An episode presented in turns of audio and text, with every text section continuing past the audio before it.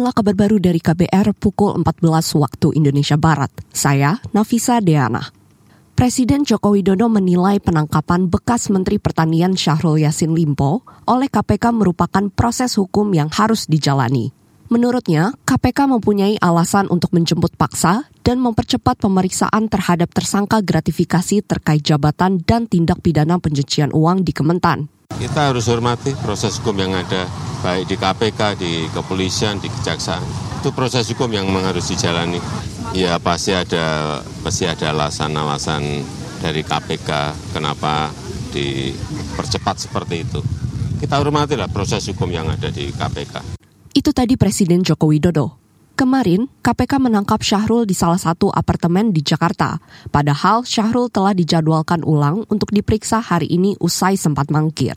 KPK mengeklaim penangkapan itu memiliki dasar hukum kuat. Selain Syahrul, KPK juga menetapkan dua tersangka lain dari Kementerian Pertanian. Mereka diduga menikmati duit korupsi hampir 14 miliar rupiah. Kita ke informasi lain, saudara. Mabes Polri terus memberikan asistensi pada kasus dugaan pemerasan pimpinan KPK terhadap bekas Menteri Pertanian Syahrul Yassin Limpo. Juru bicara Mabes Polri Sandi Nugroho mengatakan, koordinasi dengan Polda Metro Jaya yang menangani kasus itu telah dilakukan sejak proses penyelidikan. Berkomunikasi dengan eh, tim dari Polri supaya seperti yang disampaikan oleh Bapak Kapolri kita akan menjalankan dengan teliti, dengan hati-hati, dengan profesional dan proporsional.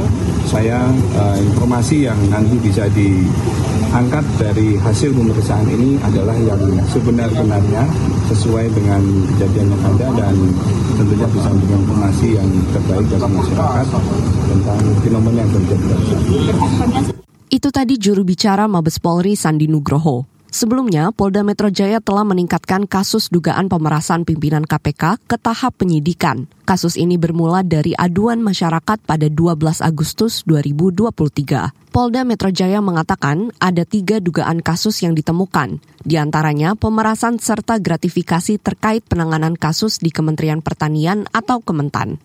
Kita ke lantai bursa. Indeks harga saham gabungan IHSG ditutup melemah 8 poin ke 6.926 pada akhir perdagangan pekan ini. Sebanyak 220 saham naik, 300 turun, dan 220 stagnan. 8 indeks sektoral melemah mengikuti pelemahan IHSG. Sedangkan tiga indeks sektoral lain bergerak ke zona hijau.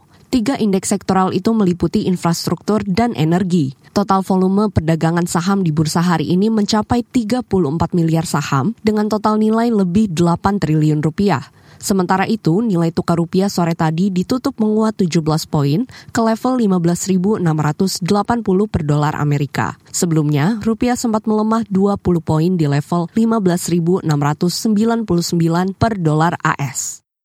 Inilah kabar baru dari KBR pukul 14 waktu Indonesia Barat. Saya Nafisa Deana.